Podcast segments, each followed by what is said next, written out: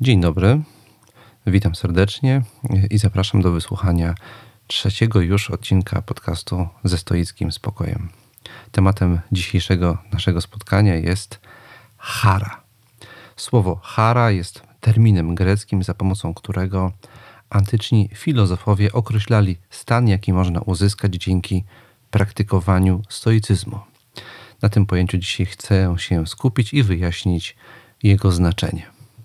Bardzo serdecznie zapraszam.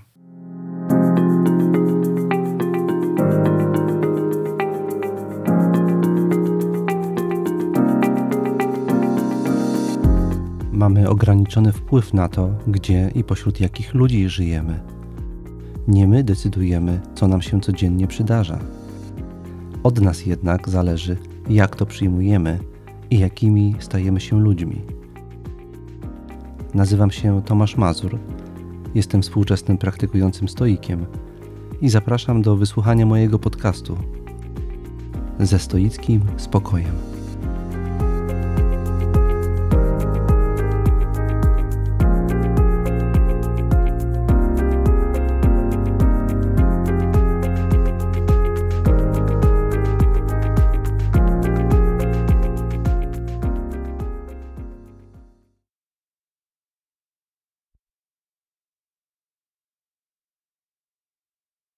Praktykujących stoików.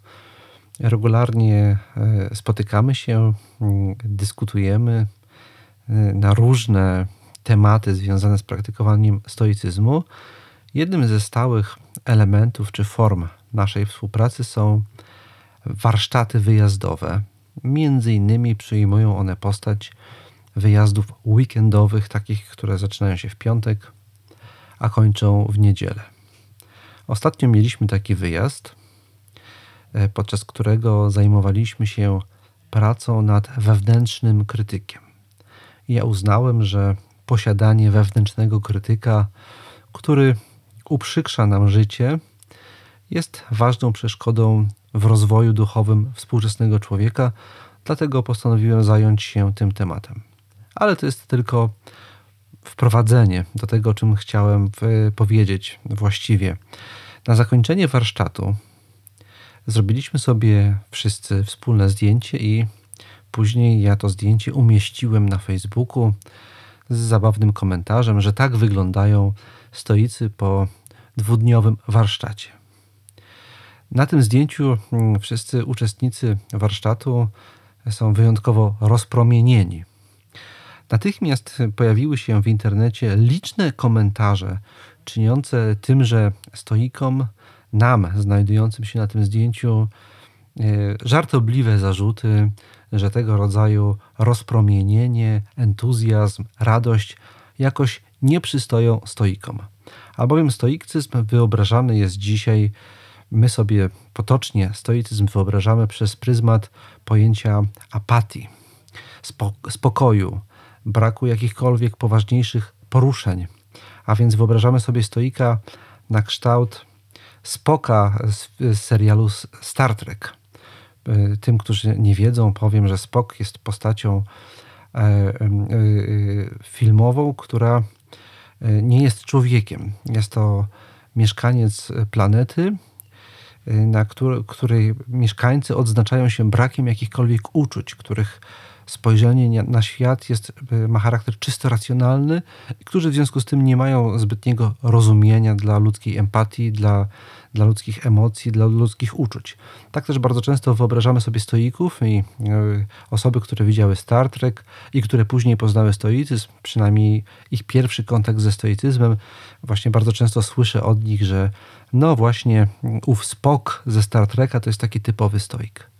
E, w dzisiejszym odcinku chciałbym zadać kłam temu twierdzeniu i obronić rozpromienione oblicza uczestników warsztatów stoickich i powiedzieć, że właśnie pewnego rodzaju rozpromienienie, entuzjazm albo to, co antyczni stoicy nazywali hara, jest właśnie cechą, którą można wykształcić w sobie dzięki systematycznej praktyce stoickiej.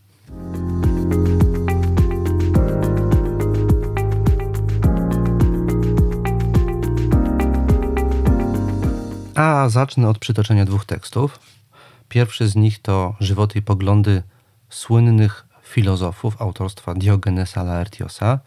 Niewtajemniczonym spieszę z wyjaśnieniami, że jest to najstarszy zachowany podręcznik historii filozofii. Pochodzi z pierwszej połowy III wieku naszej ery. Autor zestawia tutaj nauki najważniejszych starożytnych, w szczególności greckich filozofów i znajdujemy tutaj między innymi obszerny rozdział poświęcony filozofii stoickiej. W tymże rozdziale mm, autor porusza między innymi koncepcję etyczną stoików i w ramach tej koncepcji etycznej porusza kwestie emocji czy namiętności albo afektów. Znajdujemy tam następujący fragment, tutaj cytuję. Stoicy twierdzą, że istnieją trzy rodzaje zadowolenia: radość, przezorność, wola. Radość przeciwstawiają rozkoszy i uważają ją za rozumne podniecenie. Przezorność przeciwstawiają trwodze, ponieważ jest to rozumne unikanie niebezpieczeństwa. Mędrzec nigdy nie daje się opanować przez strach, ale jest zawsze przezorny. Za przeciwieństwo pożądania uważają wolę, która jest pragnieniem kierowanym rozumem. Tu koniec cytatu. Dodam dla wyjaśnienia, że radość w przytoczonym fragmencie to właśnie owa hara, która jest głównym tematem naszego dzisiejszego odcinka. Drugim autorem, którego pragnę tutaj przytoczyć, jest Donald Robertson, który w roku 2010 opublikował książkę pod tytułem The Philosophy of Cognitive Behavioral Therapy. Podtytuł Stoic Philosophy as Rational and Cognitive Psychotherapy. Jest to książka nieprzetłumaczona na język polski, niestety, w której autor zestawia ze sobą filozofię stoicką i współczesną psychologię kognitywno-behawioralną, wykazując mm, bardzo szczegółowo, w jaki sposób ta współczesna tradycja psychologiczna i wynikająca z niej psychoterapia wywodzi się wprost ze stoickiej psychologii, ze stoickiej koncepcji człowieka i koncepcji emocji. W jednym z rozdziałów, i to jest powód tego przytoczenia, tegoż autora, przypomnę, nazywa się Donald Robertson. Bardzo gorąco polecam wszystkim tą książkę, wszystkim, którzy czytają po angielsku.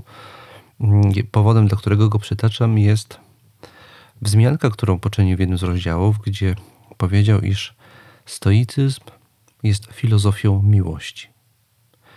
Y, tego rodzaju pogląd y, przekazuje mm, autor w swojej książce. Chcę przez to powiedzieć, że istotą stoicyzmu jest pewnego rodzaju uczucie, mm, którego mm, y, uczymy się, które uczymy się pielęgnować dzięki praktyce stoickiej. Nie, nieprawdą jest więc, wynikałoby z tego świadectwa, z tego tekstu, że celem stoicyzmu jest pozbawienie uczuć, apatia, beznamiętność, słynna stoicka beznamiętność. Jak mają się te świadectwa przed chwilą przeze mnie przytoczone do mm, potocznego poglądu na stoicyzm?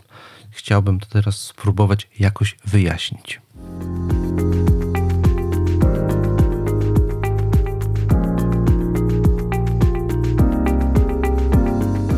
Żeby zacząć to wyjaśniać, wrócę jeszcze na chwilę do pierwszego z przytoczonych autorów, do Diogenesa Laertiosa, Przeczytam jeszcze raz pierwsze zdanie podanego już wcześniej cytatu. Brzmi ono, cytuję: Stoicy twierdzą, że istnieją trzy rodzaje zadowolenia: radość, przezorność, wola. Wydaje mi się, że powinniśmy się zatrzymać na pierwszym z tych terminów, e, nie radości właśnie, ale zadowoleniu albowiem dowiadujemy się z tego cytatu, że radość, przezorność i wola są trzema różnymi postaciami przejawiania się zadowolenia w życiu praktykującego stoika. Zwróćmy uwagę w pierwszej kolejności, że termin podany tutaj e, przez tłumacza zadowolenie jest e, przełożeniem na język polski kluczowego greckiego stoickiego terminu brzmiącego eupateia. Jest to bardzo ważne słowo, dlatego chciałbym się chwilę nad nim zatrzymać. Wyjaśnię, że z niego między innymi wywodzi się znana nam w języku polskim empatia, właśnie z eupatei. Słowo eupateia jest połączenie, składa się z dwóch części.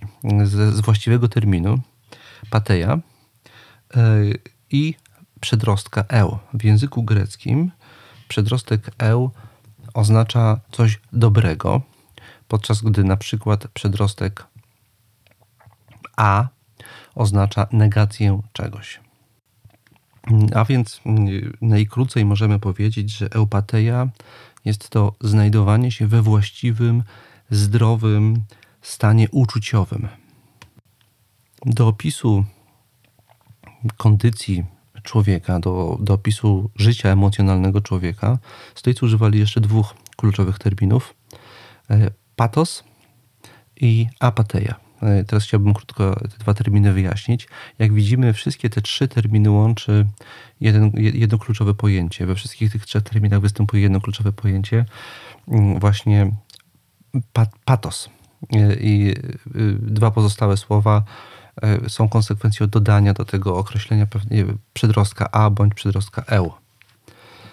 Żeby zrozumieć olbrzymie bogactwo znaczeniowe tego terminu, wystarczy uzmysłowić sobie, ile różnych, od, od bardzo odległych od siebie, tak by się wydawało, znaczeniowo terminów y, we współczesnym języku polskim wywodzi się z tego jednego greckiego słowa. E, podam trzy pojęcia. Z jednej strony ze słowa patos wywodzi się słowa pasja. Z drugiej strony ze słowa patos wywodzi się słowa patologiczny, zaburzony. I po trzecie ze słowa patos wywodzi się określenie pasywny. Wszystkie te trzy terminy, których na co dzień używamy, wywodzą się z, etymologicznie z jednego greckiego pojęcia patos, albowiem w tym pojęciu te trzy możliwości znaczeniowe są zawarte. Z jednej strony patos jest silnym uniesieniem o charakterze emocjonalnym. Jest to ten typ uniesienia, który nas, jak to się mówi, ponosi, nad którym tracimy panowanie, albo nad którym, który ma zawiera w sobie potencjał do utraty przez nas panowania nad nim. Mm, często jest to porównywane do y, choroby przez stoików, choroby mm, y, na przykład gorączki. Mówili oni o tym, że człowiek znajdujący się w stanie pasji, w stanie patosu, jest jak człowiek chory. Jego organizm doznał zaburzenia. Y, z drugiej strony jest to pojęcie, w którym z drugiej strony używali stoicy y, jako metaforę upojenia alkoholowego. Takiego rodzaju upojenia, w którym człowiek mm, traci panowanie nad y, swoim rozumem, nad swoim zastanowieniem. To jest jedno ze znaczeń tego, tego słowa. Drugie ze znaczeń wskazuje y, określenie patologiczny. Ja już wspomniałem o tym, że powoływali się stoicy wyjaśniając znaczenie tego terminu na chorobę, zaburzenie. Człowiek może, ich zdaniem stoików, znajdować się w stanie harmonijnym, zrównoważonym bądź zaburzonym. Silne emocje, zdaniem stoików, są przejawem zaburzenia i na oddanie tego zaburzenia właśnie używali określenia patos. Wreszcie pasywność. To wydaje się najbardziej tajemniczym słowem, e, rzekomo wywodzącym się z terminu patos. E, tymczasem nie ma w tym nic tajemniczego. Stoicy uważali, że człowiek znajdujący się w stanie silnych emocji nie jest aktywny, lecz pasywny nie on decyduje o tym, co robi. Przemożna, wewnętrzna, emocjonalna siła popycha go do jego działań. E, on nie autoryzuje tych działań. Dlatego dzisiaj, po dziś dzień, w prawie istnieje mm, taki uzus, mm, y, y, taka praktyka, żeby osoby, które znajdują się w stanie afektu, traktować w inny sposób, żeby traktować afekt jako okoliczność łagodzącą. Właśnie dlatego ona używana, właśnie dlatego ona e, traktowana jest jako okoliczność łagodząca, gdyż po dziś dzień uważamy, że silne emocje są sytuacją, są stanem, w, których, w którym my nie władamy sobą, jesteśmy, więc my jako my jesteśmy pasywni. Więc mamy z jednej strony patos, to jest jeden termin. Drugi termin, którego stoicy bardzo często używali, to jest apateia. Jak już wcześniej wspominałem, określenie przedrostek a oznacza w języku greckim negację czegoś. Negację bądź brak czegoś. W tym przypadku brak, o który stoikom chodzi, dotyczy silnych emocji. Mędrzec stoicki, praktykujący stoik, dąży do osiągnięcia stanu apatii.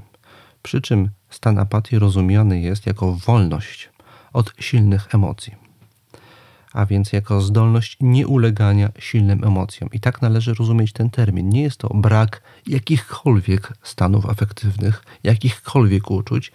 Jest to przez antycznych stoików rozumiane wyłącznie jako pewna fundamentalna kompetencja niepopadania w silne, zaburzające nas emocje. Można to porównać do odporności. Niektórzy ludzie e, często chorują, często się przeziębiają, inni mają silną odporność. A więc apatię należy rozumieć jako odporność. Apatię stoicką należy rozumieć jako odporność na silne pobudzenia emocjonalne. Wreszcie na koniec mamy termin eupatia, termin, który przetłumaczony został w przytaczanym przeze mnie fragmencie jako zadowolenie. E, I ten termin to jest właśnie ów pozytywny stan uczuciowy, stan, w którym się znajduje mędrzec. I tutaj to właśnie ciekawe, co zwraca uwagę, mm, autor y, podaje trzy inne terminy, y, za pomocą których przybliża specyfikę tego uczucia towarzyszącego spełnionemu stoikowi, praktykującemu stoikowi. Jest to radość, hara, przezorność, eulabeia i wola, czyli bulezis. E, wydaje nam się, że co najmniej dwa, dwa z tych określeń, przynajmniej tak jak są one używane w języku polskim, przezorność i wola, nie mają konotacji emocjonalnych. Tym bardziej w tym fragmencie chodzi, tym, tym, tym niemniej, tymczasem w tym fragmencie chodzi właśnie o to, że one mogą być postrzegane jako pojęcia o, o konotacjach wyraźnie uczuciowo-emocjonalnych.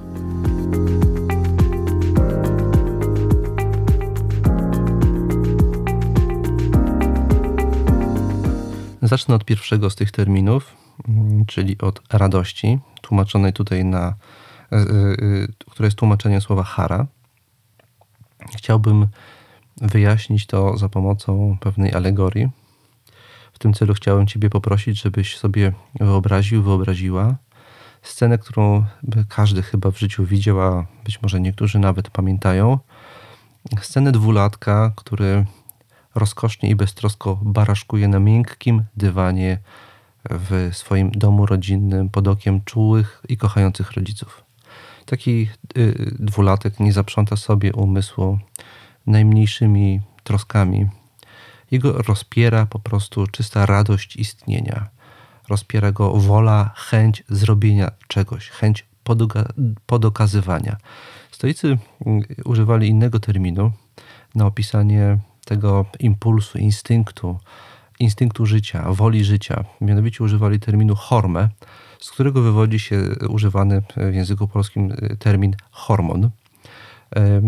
Hormę należy rozumieć jako taki prosty impuls życia, popęd życiowy. Stoicy uważali, że każdy z nas ma w sobie taki naturalny popęd życia, który, którego, jeżeli go czujemy jako takiej nieskrępowanej wewnętrznej siły, on nam daje w efekcie uczucie radości. My za często w tak zwanym dorosłym życiu tego uczucia radości wynikającej z, same, z samego doświadczenia woli życia w sobie, zazwyczaj nie doświadczamy z tego prostego powodu, że to blokujemy. Tym, co nas blokuje, to są właśnie różne lęki, niepokoje, troska o przyszłość, stereotypy, y, które nas y, ze z, z każdej strony krępują. Można powiedzieć z tej perspektywy, patrząc, że uwolnienie radości oznacza zniesienie barier, które blokują nas przed doświadczeniem jej, które e, stanowią blokadę w, do, w doświadczeniu tejże naturalnej woli życia, którą, która przysługuje każdemu człowiekowi. Tym więc jest hara e, e, u stoików, umiejętnością odzyskania spontanicznej, beztroskiej radości bycia, bycia człowiekiem. Drugi termin, którego tutaj mm, używa Diogenes Laertios, y, po grecku eulabeia, tłumaczony jako przezorność, jest mniej więcej tym, co my rozumiemy dzisiaj pod pojęciem uważność i czujność. Człowiek uważny potrafi czerpać radość z doświadczania przydarzających mu się rzeczy, z, yy, ze świadomości tego, gdzie jest i jaki jest. Tenże dwulatek, który doświadcza radości, nie jest uważny, bo za niego tą pełnią, funkcję uważnych pełnią rodzice. Dorosły człowiek ma tego rodzica, że tak powiem, zinternalizowanego. Ja czasami używam określenia, taki też był e, główny sens warsztatów, od których zacząłem dzisiejszy, dzisiejszy podcast. Warsztat miał tytuł o przekształcaniu wewnętrznego krytyka w czułego menadżera. Ja właśnie używam w tym kontekście określenia czuły menadżer, czuły wewnętrzny opiekun. I on właśnie przygląda się światu, ten nasz wewnętrzny opiekun, jeżeli umiemy sobie taką instancję wykształcić, przygląda się światu i nam samym z czułą uważnością. I ta czuła uważność jest pewnym stanem uczuciowym. On jest odniesieniem się do świata i chęcią reagowania na wszystkie sytuacje, które nam się przydarzają, z troską, uważnością, czujnością. Jest to pozytywny, przyjemny stan emocjonalny, właśnie takiej, takiej, takiego e, e, bycia obecnym tu i teraz. I trzeci z tych terminów, który, który tutaj padł, to wola, który jest tłumaczeniem słowa bulezis. I to pojęcie oznacza ni mniej, ni więcej.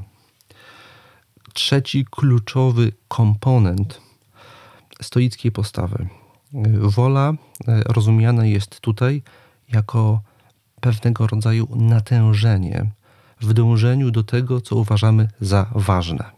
Stoik e, posiada dobrze przemyślaną, powinien posiadać dobrze przemyślaną hierarchię wartości, z której wypływa świadomość tego, co jest dla niego na co dzień ważne, w efekcie czego e, nieustannie czuje w sobie pewne natężenie, dążenie do tego, co jest ważne.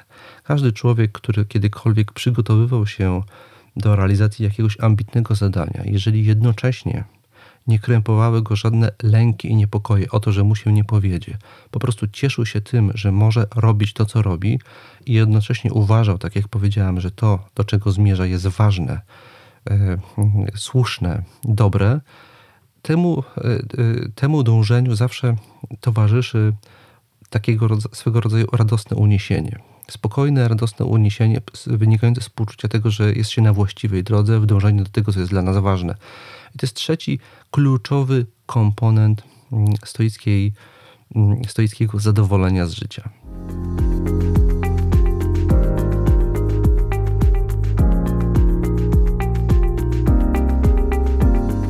Teraz e, podsumowując ten, to, to, co powiedziałem e, na temat Y, komentując mm, fragment Diogenesa Laertiosa, chciałbym dodać, że istotą praktyki stoickiej jest ochrona tych trzech pojęć, tych trzech, tych trzech stanów. Można powiedzieć, że praktyka stoicka nie służy poszukiwaniu czegoś, tylko odzyskiwaniu czegoś. My w sposób naturalny jesteśmy istotami, obdarzonymi wolą istnienia, uważnością na to, co się nam przydarza oraz rozpoznaniem tego, co jest dla nas ważne. Jeżeli te trzy rzeczy umiejętnie ze sobą połączymy, nasze życie jest pasmem satysfakcji. Może być nieustającym pasmem satysfakcji. Jesteśmy wypełnieni energią, jesteśmy uważni e, i dążymy do tego, co ważne te trzy składniki bycia tu i teraz są w naszym zasięgu.